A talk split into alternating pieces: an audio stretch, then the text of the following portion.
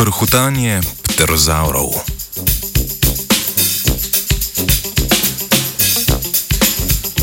Letenje je naporno delo. Da so ptice lahko poletele, so morale s časoma razviti številne specializirane adaptacije, med drugim močne prsne mišice in učinkovitejša dihala.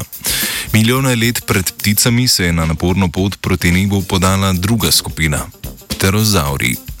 Raziskava, objavljena v reviji Nature, je pokazala, da ti leteči plazivci niso bili izvrstni letalci že odnegdaj, temveč se je njihova letalna učinkovitost povečevala postopoma.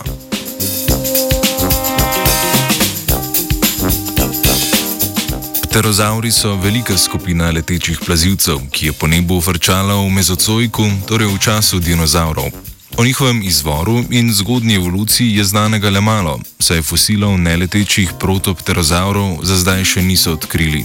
Prav tako ni jasno, kako je skupina prvič razvila sposobnost letenja.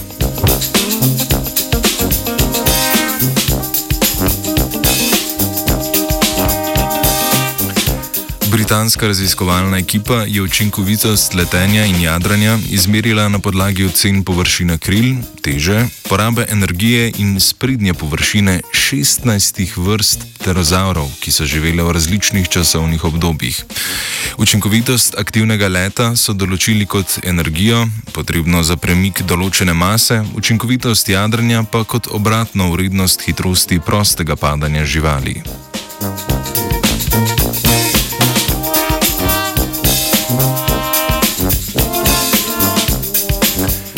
Skoraj vse evolucijske mlajše skupine pterozaurov so bile pri letenju in jadranju učinkovitejše od zgodnejših vrst. Učinkovitost letenja pterozaurov je naraščala postopoma in dokaj enakomerno. Učinkovitejša ni postala zgolj ena skupina pterozaurov, skupina Azdarhoideja.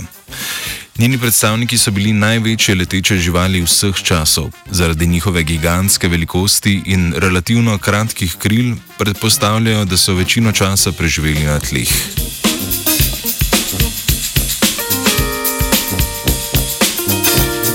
Pterozauri so izumrli pred milijoni let, vendar lahko s pomočjo različnih biofizikalnih modelov vseeno ocenimo, kako dobri ali kako zanič letalci so bili predstavniki posameznih vrst.